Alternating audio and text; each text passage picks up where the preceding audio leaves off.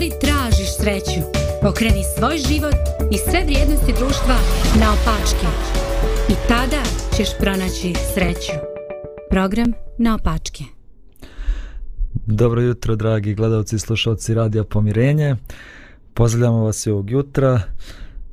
U Banja Lucije još uvijek kišno vrijeme, ali u našem studiju dobra atmosfera uvijek. Mi donosimo dobre vibracije. Dobre vibracije Nadamo se da ste vi danas dobro. Pozdravljamo i u studiju moje koleginice Lidiju i Draganu. Također i Zdravka koji nam se javlja iz njegovog toplog doma u Srpcu. Pozdrav, pozdrav i za tebe Božo. Jutro smo dobro. E, prije nam kiša, prije mi kiša, ja ću svoje ime. I nije više pljusak, nego onako fino lagano i prestaje i najavljuju razvedravanje. A, okej. Okay. ja sam voljan čuti, da li me čujete? Da, da, da, da, da. E, super, onda pozdrav, ja se pridružujem pozdravima za slušalce i cijelokupnu ekipu u studiju. Hvala, hvala, zdravko. Pa ja taman izvadio sve one džempere, košulje, dugih rukava, a ono sad opet se vraćamo u šorceve i majice, izgleda. Jo, Dobro, nema što. Dobro, sad kombinujemo, sad je ono najgore, znaš, niti je leto, niti je hladno, sad sve je tu, i jedno i drugo, dok ne budemo počeli polako ovo letnje da, da se rešavamo. Aha. Sad je prava kombinacija da mislite na paket maramica za prehladiti se. Jao, na večer, jest. omor, na predjutro se smrznete ako niste ponijeli dobre pokrivače. Da, e, da, i to tačno. Da. E, moja Eva se već prehladila, već nosi grlo sad pije čajeve i tako. Dobro, to je takva nam je sezona sad. Dobro. A, evo danas ćemo da pričamo o ne, jednoj temi koja je vezana za zakone, propise, pravila. Pa kao uvod hoću vam ispričam kako sam ja imao pri nekog vremena jedno iskustvo gdje sam imao jedan susret sa jednim maskiranim čovjekom koji je držao nož u ruci. Opa. Opa. Ali tog čovjeka se sjećam sa zahvalnošću. Zato što je to bio moj ortopedski hirurg. Oh.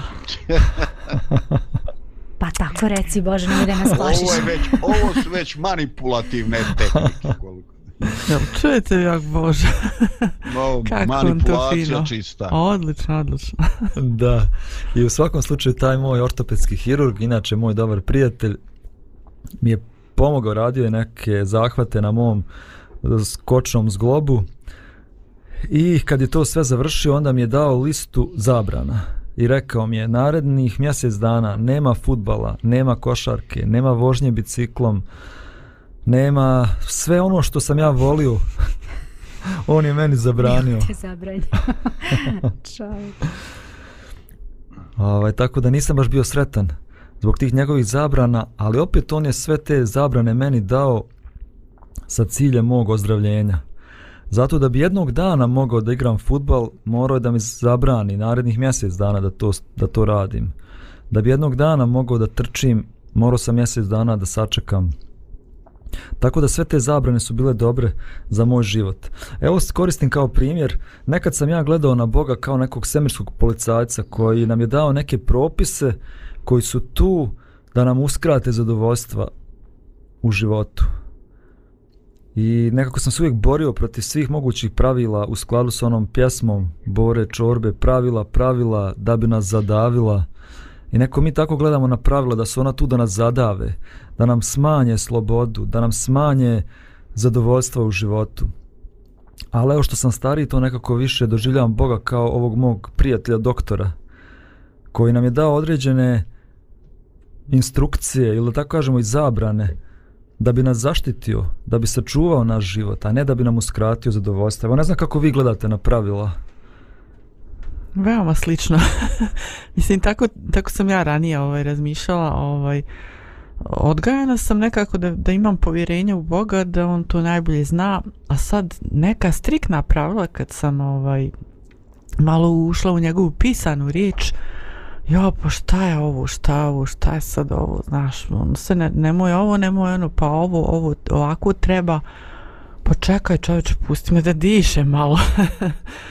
ovaj, ali sam vremenom u stvari vidjela da su to kao oni znakovi, znaš, kad trebaš ući u neku krivinu, onda kaže uspori ili negdje, da, baš ne, da ne stradaš. I tra, mislim, trebalo mi je vremena, ali sam prihvatila to kao nešto što je super za mene.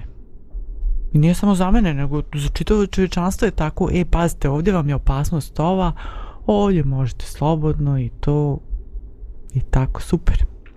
Ja volim pravila.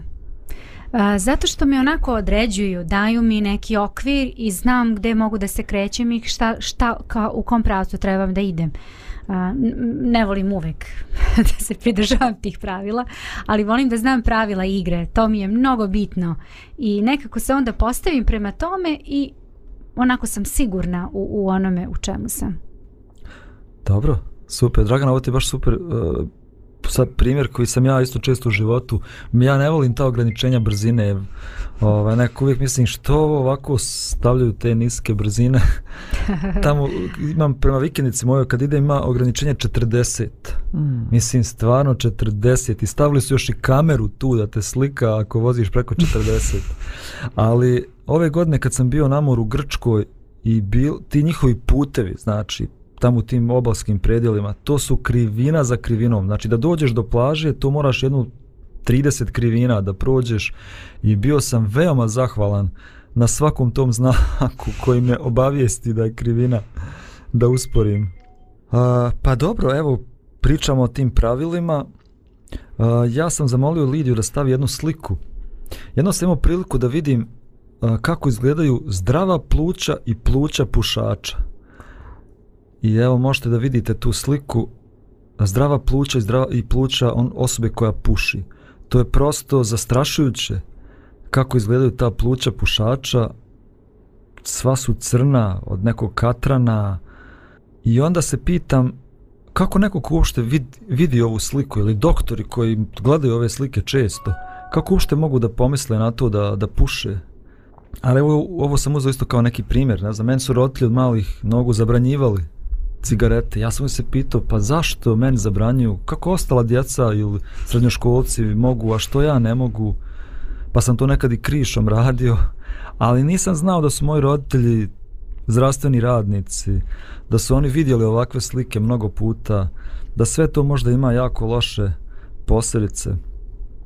Da, evo, meni se desilo recimo neki dan, možda ima desetak dana otprilike, možda nema ni toliko, i sad ovaj, ručali smo, i um, da, pa to je bilo negde u to, da, tako je bilo, negde oko možda pola pet, pet i sad baš smo ručali i ovaj, svi smo zajedno bili tu, Filip je bio u školi, sad odjednom ja vidim vrata se otvaraju, neko ulazi unutra, Filip, znači Filip se vraća iz škole, a inače on bi trebalo negde oko sedam da dođe kući, međutim on je tamo već oko pola pet, pet došao, ja vidim vidno uznemiren i I sav onako usplahiren i već suze u očima. Ja kažem šta je sine, šta se desilo, Bojan isto. Ove, šta, šta je bilo? I sad ona nama priča. Kaže ovaj, jedan drug njegov u školi, otišli su u tu jednu prodavnicu blizu škole preko puta za vreme velikog odmora i on je, pošto nije bilo drugog nekog soka da kupi, on je kupio, ovaj, taj drug njegov inače kupuje energetska pića.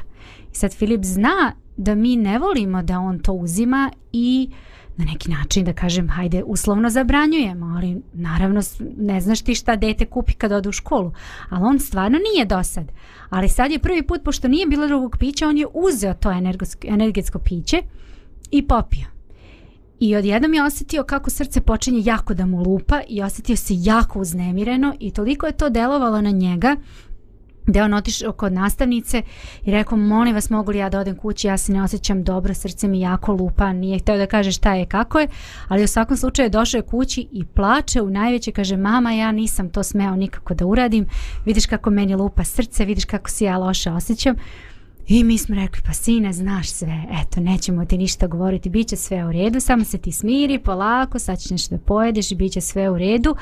I ok, to je nekako prošlo. Nismo mi ni galamili, ono priča od jutra se, ovaj, znate, kolege što smo jutra na jednom drugom ovaj, sastanku pričali, upravo to, znači ne treba galama i nema potrebe za tim. Mi smo njemu objasnili, on je to sve shvatio i sve je to super. Ali, e, znači, shvatiš da ti pravilo u životu nije zato da bi ti nešto loše učinilo, nego zato što jednostavno ti je to nešto što je dobro za tebe. Hvala ti, hvala ti Lidija. Zdravko, imaš ti neki komentar? Pa evo, razmišljam intenzivno o ovome što slušam. Ovaj, pa definitivno težina pravila je određena i o tome ovaj, od koga, ovaj, kad i na koji način dolaze. Znači, nije, nije toliko ključno šta se priča, nego ko ti to priča e, od kakvog je autoriteta u našim očima ta osoba koja nam se obraća. Znači, to je ključno bilo da imamo uh, 15 godina ili da imamo 55. Znači, nema tu neke značajne razlike. Ovaj, e sada, ona druga stvar, jednostavno postoje trenuci u kojima smo mi e, spremni da e, procesuiramo, da obratimo pažnju, jednostavno da slušamo i postoji trenuce kad smo mi e, fokusirani na nešto drugo. Ne, e, ok, ok, ali pusti me, nemoj sad. Pustim priču sada. Ovaj, I napokon ono treće, e, na koji način nam se to kaže. Ovaj znači poruke e, lijepe poruke mogu biti ovaj e, u propast s pogrešnim načinom. Jer čovjek ne reaguje na poruku, nego reaguje na način na koji ga tretiramo, da li se on zbog načina na koji mu je nešto rečeno osjeća uh, ugroženo manje vrijedno ili uh, kako god, nebrojno su kombinacije. Ovaj, dakle, uh, puno je, puno je ti faktora, ali definitivno čini se da je na početku onaj ovaj, kod priča. Ko je u tvojim očima onaj eh, ko na neki način pokušava definisati neka pravila? Mm -hmm. Dobro, hvala ti zdravko. Uh, da, slažem se, važno je, važno je i ko nam to govori i kakvu, na koji način nam se to govori, ali pravilo je pravilo bez obzira kako ti ga neko rekao, ono, ili će da ono može da zaštiti tvoj život, ako ga ne poštuješ, može da ošteti tvoj život. Ali evo, nastavit ćemo priču o pravilima i posebno o deset pravila koja su zapisana još prije više hiljada godina, koje mi zovemo Boži zakon ili moralni zakon ili deset zapovijesti. A prije toga ćemo čuti jednu muzičku tačku pa ćemo onda da nastavimo.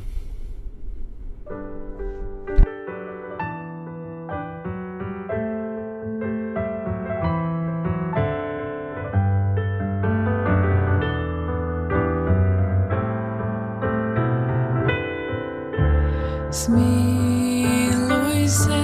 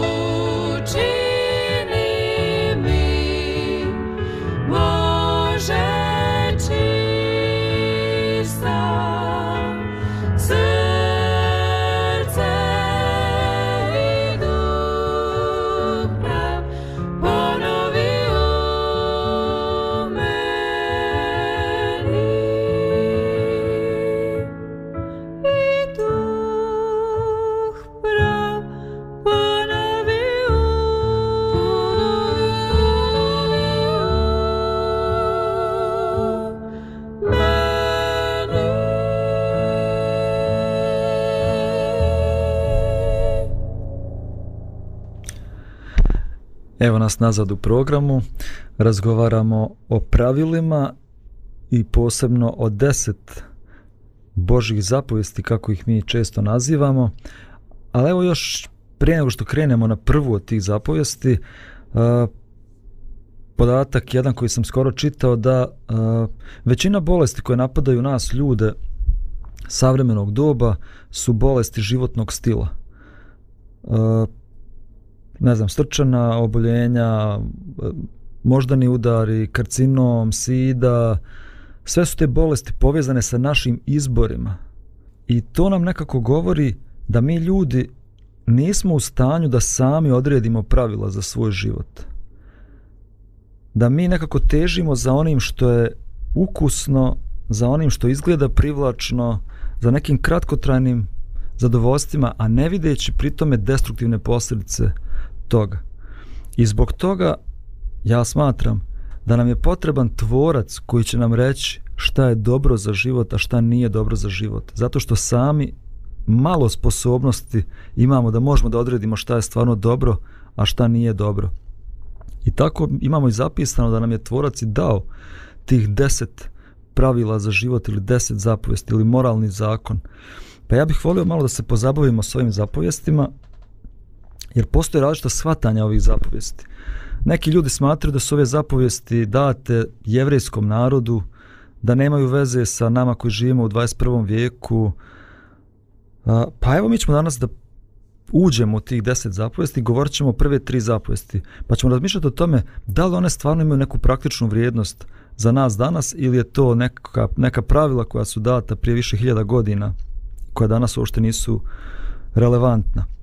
Pa ta prva zapovijest zapisana je u drugoj knjizi Mojsijevoj 20. glavi i kaže ovako Ja sam gospod Bog tvoj koji sam te izveo iz zemlje Misirske iz doma Ropskog. Nemo imati drugih bogova uzame.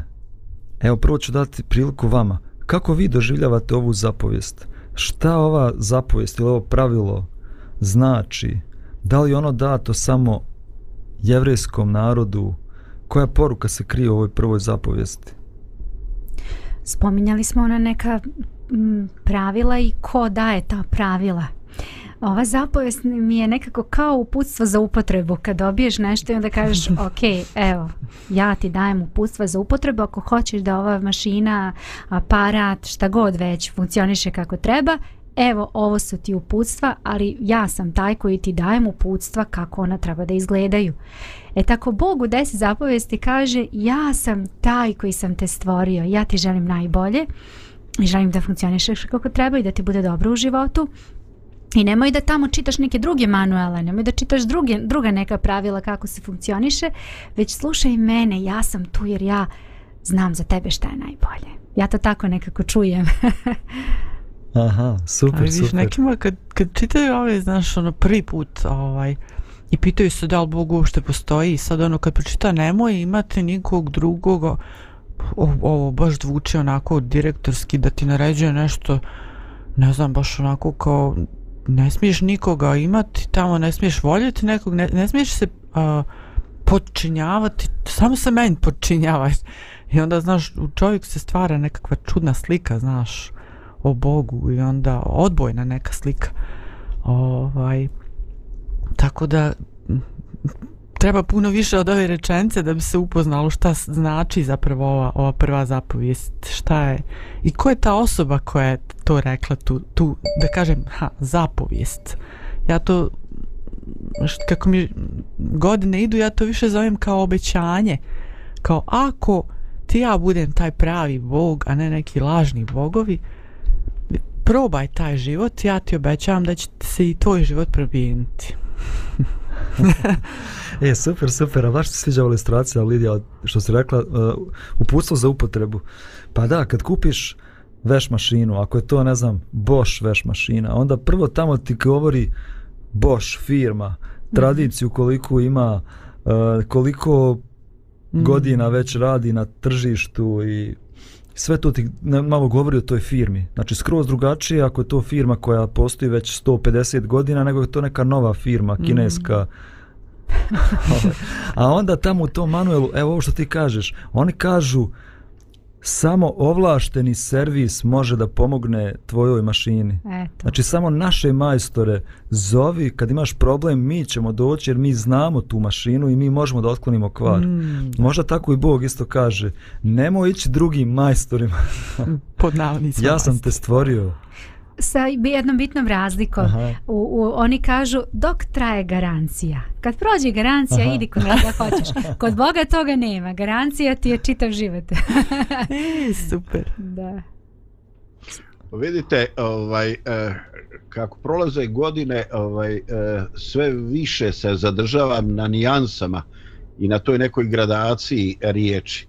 I ovaj, eh, odmah kad je otvorena ova tema na početku, eh, ovaj, ja sam razmišljao, čekaj, govori se o pravilima, pa je onda došla asocijacija na riječ e, norma, pa je onda došlo kao finalno izraz zakonitost. Ovaj, e, pravila je nešto što mi je onako malo profano, znači e, svaka zajednička aktivnost se definiše pravilima od, ne, od neke basketa, bacanja na koš, ovaj, utvrde se neke linije preko kojih ne trebaš ići, izašao si iz nekog prostora, bilo kakav sport. Ovaj, e, znači, to je svakodnevni dio života i mi uglavnom poduzumemo da se toga treba pridržavati, jer će ostali sa igrač će treći, ej, ne ide tako, ovo je ono. Znači, da bi utakmica bila fair, moraš se pridržavati pravila. Ovaj, možda za neki način malo dublje ovaj, utiše u taj socijalni život ovaj, jesu norme. Ali nakon nekog kraćeg razmišljanja shvatiš da je i norma nešto što je e, promjenjivo.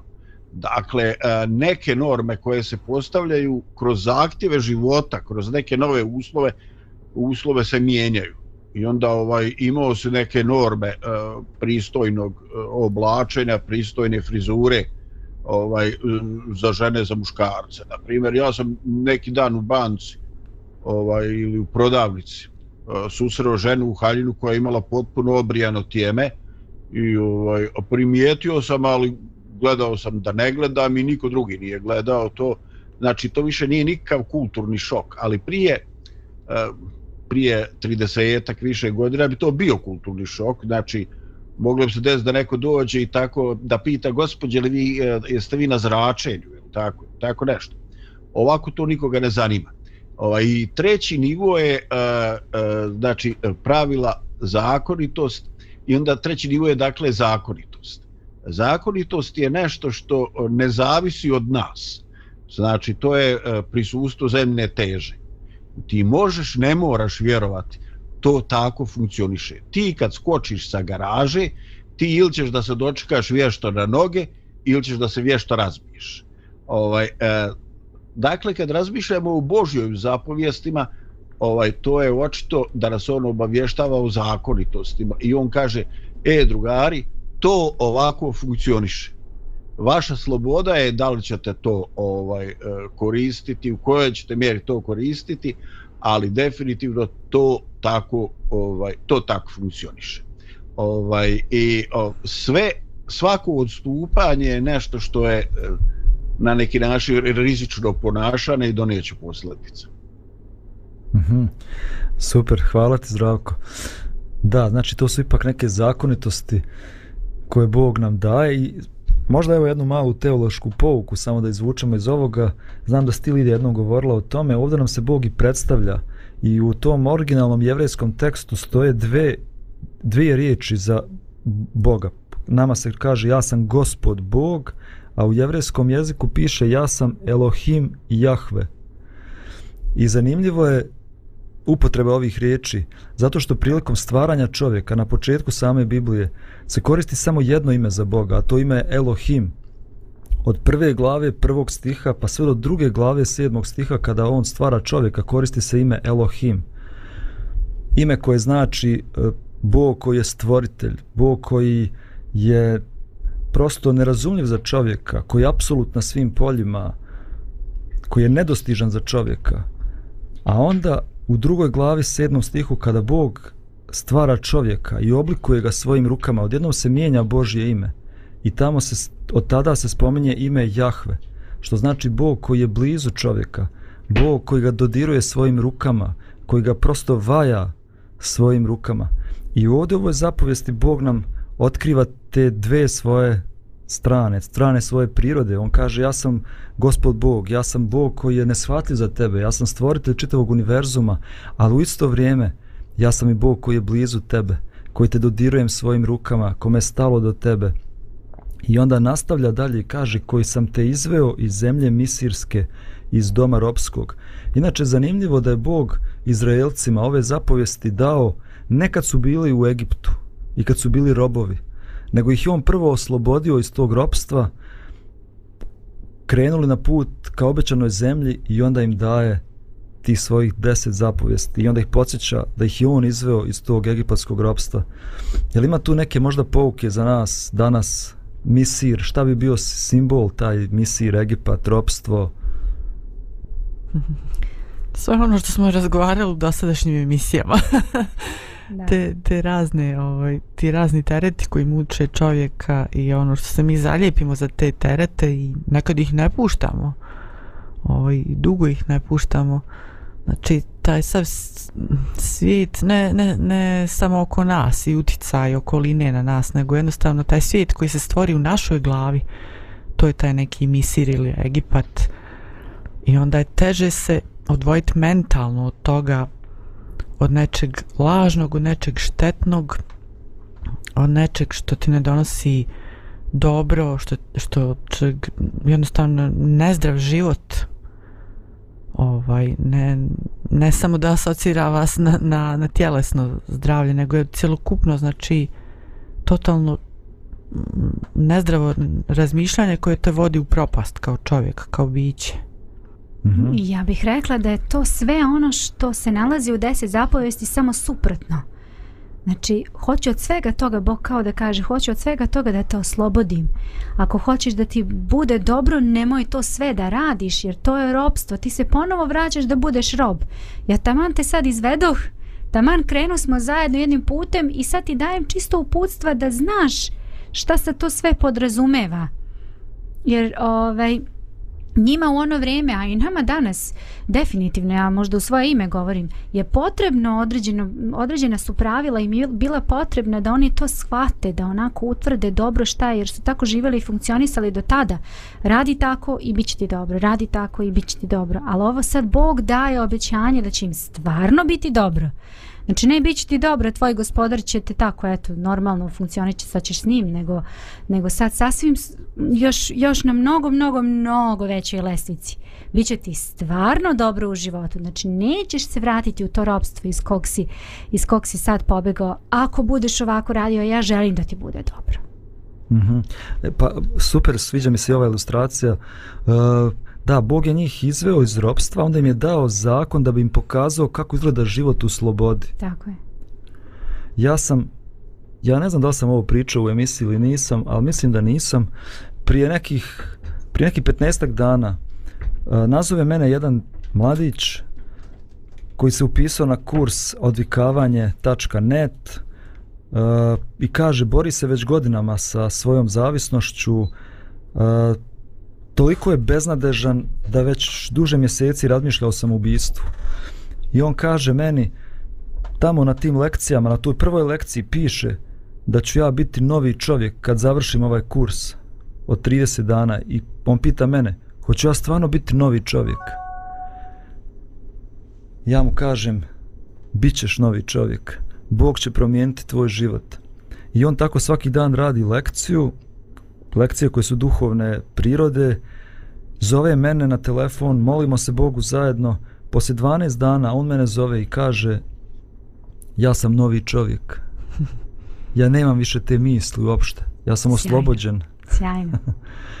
Hoću reći, u ovoj zapovesti Bog kaže ja sam sposoban i želim da te oslobodim bilo kakvog robstva u kojem se ti nalaziš, bilo čemu robuješ, ja mogu da te oslobodim toga zato što mi je stalo do tebe. To je prva zapovijest i mislim da je možda i najljepša od svih zapovijesti. Pa prije što krenemo na drugu zapovijest, možemo da napravimo opet malu muzičku pauzu, pa ćemo se onda ponovo vidjeti.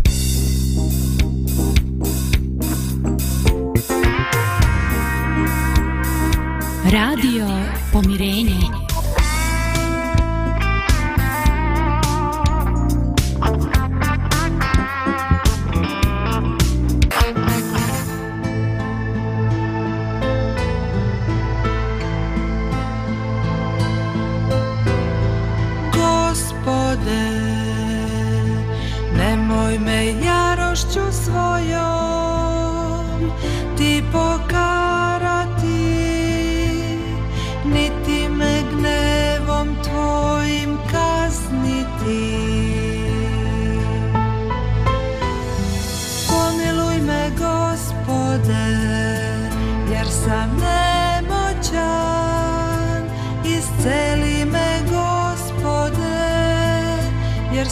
drhtale kosti moje i duša moja je uzdrhtala jako, a ti gospode dokle ćeš?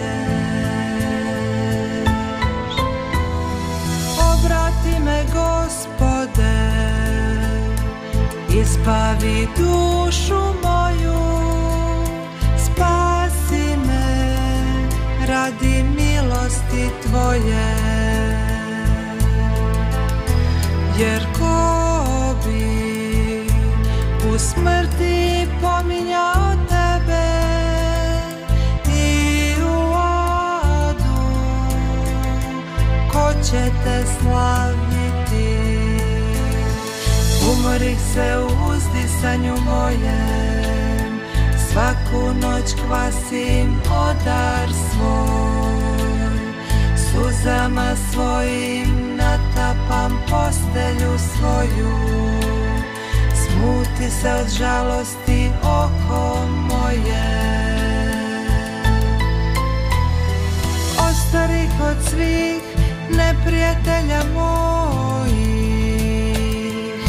Idite od mene Svi koji činite bezakonje zakonje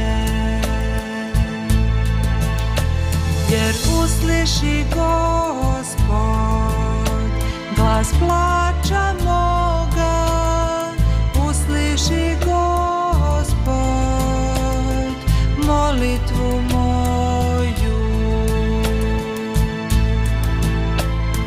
gospod molitvu moju primi nek se postide i prepadnu svi neprijatelji moji Nek se povrate i postide odmah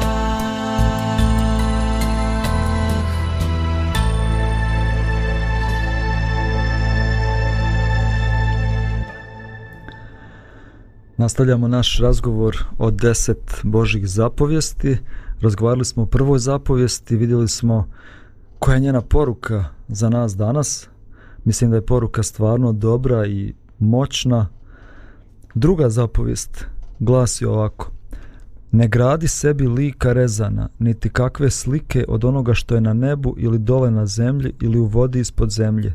Nemoj im se klanjati, niti im služiti, jer sam ja, gospod, Bog tvoj, Bog revnitelj koji pohodim grijehe otačke na sinovima do trećeg i do četvrtog koljena, onih koji mrze na mene, a čini milost na tisućama onih koji me ljube i čuvaju zapovijesti moje. A, evo ova zapovijest je možda malo iznenađujuća.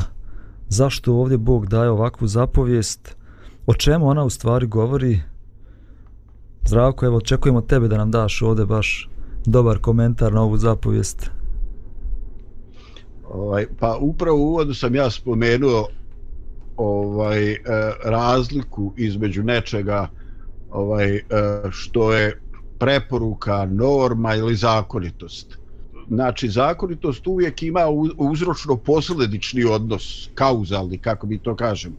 Ovaj, znači, eh, ovakav oblik ponašanja će dovesti do ovakvih, ovaj, do ovakvih posledica. Eh, možda je pitanje vremena koliko će trebati vremena ali ovaj će uvijek izvjesno dovesti ovaj e, e, bilo bi loše kad bi ova zapovijest bila svaćena u smislu ovaj e, bože intervencije a ako ja konstatujem takav oblik devijantnog ponašanja kod vas onda ja ću ovaj ja ću se potruditi i ja ću vam poslati kaznu ovaj ja bi to stvarno sugerisao da se ovo ne posmatra u tom kontekstu nego upravo u kontekstu zavisnosti. Dakle, određeni promašaj, e, određeno pogrešno ponašanje e, donosi posljedice ne radi toga što to određuje i hoće neka sila od ozgo, ovaj, nego radi toga što je to zakon života, postojanja, e, kosmički zakon, da je to nešto što funkcioniše kao zemljena teža. Dakle, to je jednostavno tako. Ne treba niko da se naljuti na nas da bi došlo zlo. Zlo će doći radi e, pogrešnog pristupa e, zakonima e, života, opstanka, energije. I mislim u mojoj glavi to ide u tom ovaj smjeru, no ovaj ajde da sačeka malo razgovor, možda bude potrebe i prilike da se još uključi. Dakle ne čeka Bog da nas kazni, nego jednostavno to dolazi samo po sebe. Ovaj, e, ja sam od prošloga ljeta morao malo da povedem računa o, o nekim ovaj zdravstvenim uslovima ovaj i jedan od ciljeva je bio da skinem nešto na kilograma i tako to je uspjelo. I onda sam ovaj to o čemu čovjek razmišlja, to sam gledao. I ovaj nekoliko puta mi se desilo znači na trgu Republike tamo pored Boske u Banja Luci ovaj na toj vrućini, ovaj da mi pogled privuče čovjek koji onako pohlepno jede sladoled u kojem ne znam šta ima, mislim šećera, vode smrznute, ovaj neka aroma ili ili voć, ne znam. O, on je to tako taj veliki porciju sladoleda jeo, sjedio je ovaj i sjedio je onako raskoračen jer je ovaj morao napraviti ispred sebe mjesta za stomak a imao je, uh, imao je minimalno neki 130 kg. I kažem, o, ja u se mislim, čoveče dragi, taj ti sladoled sad treba, ko treće oko? Mislim, ono, što će to? Ali opet, ko sam ja da bilo šta kaže?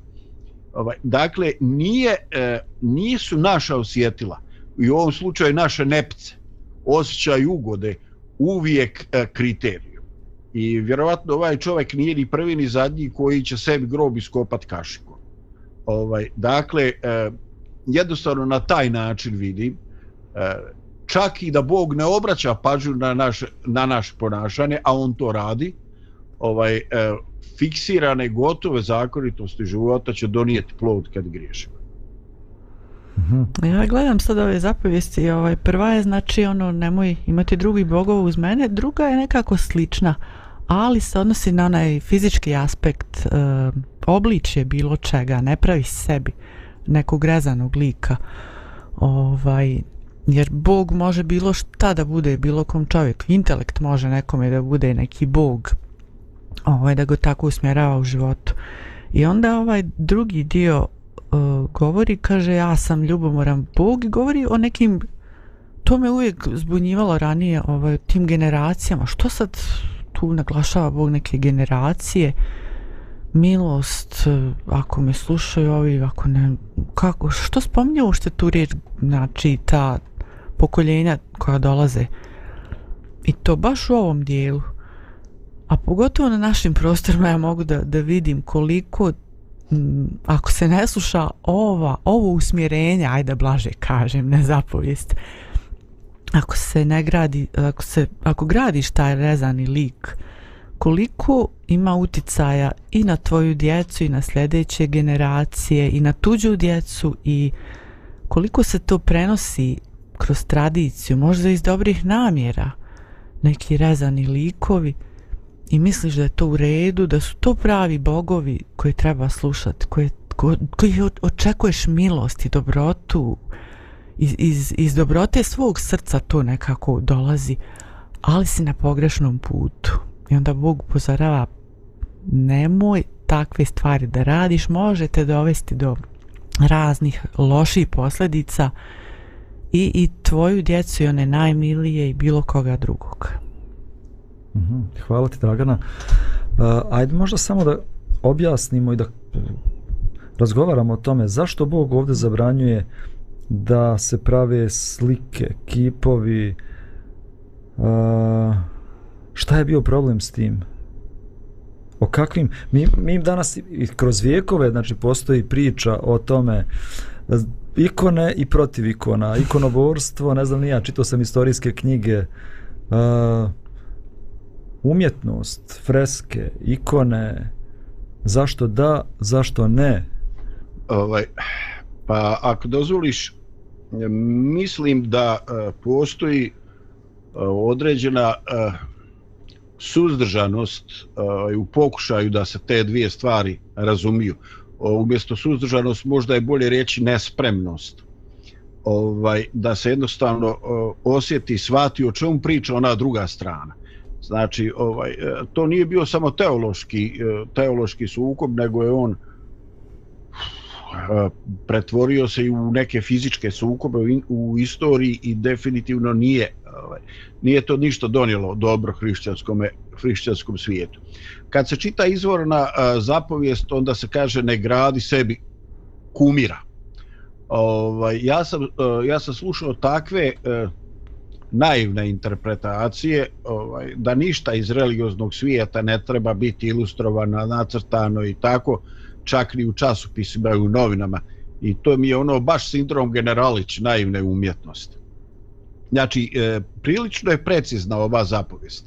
E, nemoj sebi stvarati oblik koji će biti predmet tvog obožavanja i predmet tvoga uzdanja. Dakle, da ti e, gledajući u kumir smatraš da je to koncentrat određene energije svetosti koji tebi osigurava određenu dobrobit, zaštitu tvoga ognjišta, zaštitu tvoje porodice. I tu je stvar potpuno jasna, znači tu nema ovaj granice. E, s druge strane, e, određeni ekstremizam koji dolazi s druge strane, e, naiđe situaciju u kojoj baba kaže čekaj jeste vi normalni pa šta ja ne bi trebalo u kući imati sliku svog unučata pa ja ja kad njega nema ja njemu i sliku poljubim kaže baba ti spala u idolo poklonstvo ljubiš sliku nije bavila pabalu i bilo poklonstvo, nego sti puko, brate, i ti to se pogubio.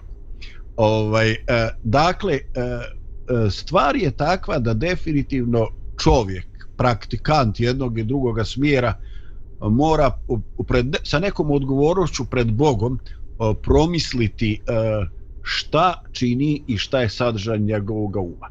E, ne može čovjek ovaj, tako olako proglasiti drugoga e, čovjeka ovaj, idolopoklonikom. E, zašto? Zato što mi ne znamo da li u tuđoj glavi neka slika, neka ikona ili šta god, neki kip u zapadnom katoličkom svijetu, e, da li je to nešto od čega on pra, traži pomoć, ovaj, da li je to nešto čemu se on obraća, da li je to nešto u čemu on vidi neko otjelovljenje Božije, ovaj, e, ili je jednostavno to stvaranje e, stvaranje atmosfere okruženja nešto što inspirativno djeluje na njegovu maštu i tako dakle jako je e, opasno i nezahvalno prvenstveno pred Bogom suditi o sadržaju onoga šta je u tuđoj ovaj, ja sam potpuno siguran da sam sretao ljude ovaj e, koji e, imaju neku ukoru čak u svome kući i u razgovoru s njima shvatio sam da to da oni nemaju problema sa idolopoklonstvom iako imaju ikonu ali ovaj shvatio sam e, da ikone postoje ne samo u vjerskim slikama nego i nekim drugim stvarima i među ljudima koji se kune da su oni ikonoborci ili da su oni predstavnici neke druge stvari. Znači, makar iz mojeg iskustva, iz moje perspektive, uh, E, stvar je e, e, prilično, prilično delikatna. To nešto što je predočeno u dvije ili tri dimenzije, kažem dve dimenzije slike ili tri dimenzije kip, ovaj, osnovna je svrha šta čovek od toga očekuje i šta u tome vidi. Ovaj, ako ga to podsjeća, nadahnjuje, jer suština umjetničkog dijela da te asocira i da te nadahne svakog umjetničkog dijela, uh, ovaj, onda ja tu ne vidim problem. A, ovaj, različite tradicije su stvorile i različite tehnike kako izgledaju te neke slike. Ovaj, aj to je neka priča za neko drugo, za neki drugi sastarak. Ali ovaj ja, znam, ja bi se dakle uzdržao, uzdržao od side, od suda osim da stvara, smatram stvarno ovaj da je Bog rekao nemoj u životu imati ništa od čega ćeš dočekivati blagoslov i pomoć osim mene. Pogotovo ako je to nešto što je građeno tvojom ili rukom umjetno. Hvala ti. Samo da ne pomenem ovo na početku ove zapovijesti, znači ono nešto materijalno. Nemoj se oslanati ni na šta materijalno. Zamisli razbijeti se taj kip ili ikona i šta god imaš kao predmet obožavanja i šta onda, šta hoćeš očekivati, odakle do, do, dobijaš pomoć. Posloni se na mene, ja, ja sam ti uvijek na raspolaganju. Mm -hmm. Sigurno, i to se jasno i vidi u ovoj zapovijesti, zato što ona kad kaže ne gradi, ne slika i onda jedna rečenica je tu važna, kaže nemoj im se klanjati niti im služiti. Znači sigurno da Bog nije protiv umjetnosti, protiv slikarstva, vajarstva, kao vid neke umjetnosti, ali kad to postane sredstvo našeg obožavanja, to je posrednik. Bog ne želi da ima posrednike. Nama ljudima je najteže da povjerujemo da mi možemo direktno da se obraćamo Bogu. Ja sam imao mnogo takvih slučajeva ljudi, ja skoro sam s jednim imao, ide kod egzorciste da istira neke demone iz sebe. Pa ja njemu kažem, čoveče, ne trebaš ići nigdje, obrati se Bogu, direktno, ne treba ti nikakav egzorcista. Ali mi nekako teško shvatamo i teško nam je to da, da, da povjerujemo da mi možemo direktno da se obratimo Bogu da komuniciramo s njim. A kroz ovu zapovest Bog nam baš to govori. Ne trebaju vam posrednici. Nikakav, ni ljudski posrednik, ni kameni posrednik, niti bilo šta, obrati se direktno meni. Jer sam ja gospod Bog tvoj, ja sam Jahve Elohim, ja te izvodim iz tvog ropstva, obrati se meni. Tako mislim ta zapovest o tome govori. Da, ravno, slažem se. Ali, ovaj, ali Bože, izvini, recimo, mi imamo problem sa praksom životnom. Znači, mi za običnu tu tvoju spominjanu Bosch mašinu imamo ovlašteni servis. I sad za mi neke za neke duhovne usluge, za neka a, autoritativne izjave, za neku pouzdanu informaciju. Ovaj mi ih pitamo ko su ovlašteni predstavnici. Ovaj znači e, meni je prirodno što to ljudi rade. Ovaj na stranu šta se od tih programa, a, šta se od tih problema može riješiti u direktnom ovaj e, direktnom kontaktu čoveku Boga e, kad mu je potrebno određeno mentorstvo jer e, ne zna čovek ne zna čovek ni kako se molite ne zna ništa ovaj e, opasnost postaje kad neko ko ti je dobar brat mentor postaje guru znači postaje učitelj kome ti na neki način predaješ u ruku vođstvo nad svojim životom, nad svojim duhovnošću i, e, i ti. Ovaj, tako ja sam prateći, ovaj, e, prateći e, na Facebooku od, rad određenih grupa, ovaj eh, shvatio ovaj da recimo postoji problem eh, da eh, u raznim manastirima znači postoje autoritivni ljudi koji ovaj eh, i te kako blagosloveno djeluju na ljude eh, E, sa svojim savjetima, sa svojom širinom, sa svojim pozivima da se život prihvati takav kakav jeste, da čovjek prihvati dobro i loše što život donazi i da jednostavno postoje oni e, koji se ponašaju kao guruji, e, koji pokušavaju ljudima definisati kad će jesti, šta će jesti, kad će spavati sa svojim supružnikom, znači koji sve pripisuju, koji na neki način svjesno ili nesvjesno rade ono što nije njihov posao. Dakle, preuzimaju preuzimaju kontrolu. I vjerujte, čak i takva osoba, bez obzira što je na nekom mjestu sa koga tog ne očekujemo, može nas dovesti u situaciju da nam on postane idol. idol. Jer mi gubimo tu, kako ti kažeš, direktnu vezu i puštamo svoje spasenje i svoju dušu u ruku čovjeka. Mm -hmm. Mudro. Mudro zboriš, zdravko. Pa, samo da mi to pređe u na. Dobro. Uh, ajde ovako, napravit ćemo još jednu muzičku pauzu i onda ćemo završiti ovu zapovijest, jer neću imati vremena za ovu treću, ali nema veze, ima još jedan dio ove zapovijesti o kojoj bih volio malo da porazgovaramo. Evo, kratka pauza, pa onda nastavljamo.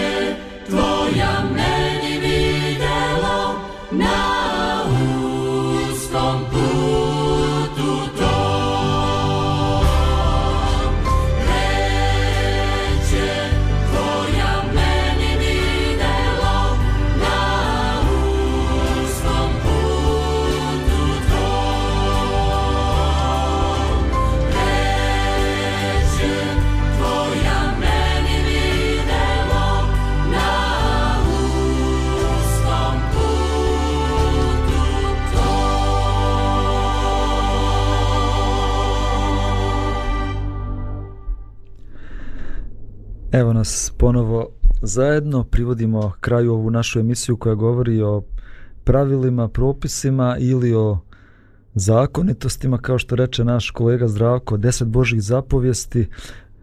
Razgovarali smo o prvoj i o drugoj zapovijesti, kraj ove druge zapovijesti je meni zanimljiv i želio bi da s tim danas završimo, koja kaže ovako, na neki način govori o posljedicama grijeha i kaže ja sam Bog koji pohodim grijehe otačke na sinovima do trećeg i četvrtog koljena – onih koji mrze name, a činim milost hiljadama koji me vole i drže moje zapovijesti. O čemu se ovde stvarno govori? Kako to grijesi prelaze sa očeva na djecu? Da li Bog kažnjava djecu zbog grijeha roditelja? Šta u stvari ova zapovijest govori? Pa ja sam ono spomenula, znači da to ono u šta gledaš to u to se pretvara, znači, a, ovaj, mislim tačnije uh, postajete nek, neka vrsta uzora ovaj, tako i djeca kad gledaju i roditelje i kad slušaju onda to postaju neka njihova možda vjerovanja uh, e, od pa se to dalje prenosi mislim onako kako ja to vidim kako se nešto može prenositi kroz generacije znači to ne mora ništa ni, ja ne vjerujem da je to nešto, nešto fizičko što se prenosi kroz krv ali ta, ta loša navika ne, nego jednostavno uh, vidiš šta drugi ljudi rade i tako se oblikuješ. A možda je moguće i kroz, mm -hmm. ne znam, mhm. kroz, ali kroz gene. Kroz gene, da. dobro, to ali, je, to je dobra, drugo. da, dobra vest u čitavoj priči je da ako recimo, ako su moji roditelji radili nešto što nije dobro, izrazi to je loše u stvari, ne znači da, da ću ja danas da se ponašam tako ili će sutra moje dete. Postoji mogućnost, to je fantastična vest, a to je da geni mogu da se... Uh, a, preoblikuju, da se promene, da taj loš gen se preobrati u dobar gen. Znači medicina jasno to danas potvrđuje i to je za mene super vest da bez obzira što stvarno ta genetika može da radi protiv nas, postoji dobra vest da se može promijeniti. Mhm. Ovaj pa ja stvarno nemam nemam dovoljno znanja o genetici da bi da bi koristio taj ovaj izraz. No znam nekoliko činjenica ovaj e, ljudi e, govore o tome da odgoj djeteta počinje prije njegovog rađanja i napuštanja majčine utrobe. Znači da sve ono što majka e, proživljava, da li je to jedan smiren život jedne trudnice ili su to stalni stresovi, anksioznost, agresivnost, ovaj da bukvalno ovaj kroz placentu i sve to što se izlijeva u njenu krv ovaj ide i prolazi kroz organizam djeteta. Ovaj e, dakle e, loše stvari koje roditelj čini, e, ovaj definitivno tu i prednatalno prije rođenja. S druge strane razvoj tog modernog školstva za koji su ovaj stvarno ovaj u dobroj mjeri zaslužni isovci ovaj dalo jednu definiciju koju kaže dajte mi djecu do treće godine i onda radite sa njima šta hoćete. Znači određeni eh, temelji E, za konstrukciju ličnost se postavljaju ovaj jako rano prije nego što čovjek e, stekne taj e, konstruktivni kritički odnos prema prema stvarnosti i ovaj ne znam koliko je to gen ali sastavni dio reakcija i naučenih ponašanja mi uslajamo prema modelima koji su nam bili pred nama ovaj i definitivno i psihički i fizički uh, mi nasleđujemo određene tanke karike, slabe karike našeg životnog lanca i ovaj e, veliki je blagoslov ako smo mi toga svjesni e, ovaj, i kažemo da na tom trenut, da na tome području moramo biti restriktivni. Znači tu se moramo paziti da bi to prokletstvo zaustavilo u našem porodicu. Dobro, imamo dovoljno vremena samo da zaključimo ovu emisiju, pošto nam emisija traje 60 minuta. Mm -hmm. Uh, ovaj tekst nam govori da Bog vidi kako se grijesi prenose sa generacije na generaciju do trećeg i do četvrtog koljena. Ali također nam ovaj tekst govori da on čini milost u našem tekstu prevodu kaže hiljadama, ali u originalnom tekstu kaže hiljadama generacija hm. onih koji njega vole i koji ga ljube. Bog lomi taj lanac uh, zla, grijeha i zavisnosti. Možemo otac da bude narkoman, možemo otac da bude alkoholičar, ali ako ja ljubim Boga, Bog će da pokida taj lanac zla i grijeha u mom životu. I to je dobra vijest u ovoj, u ovoj zapovijesti.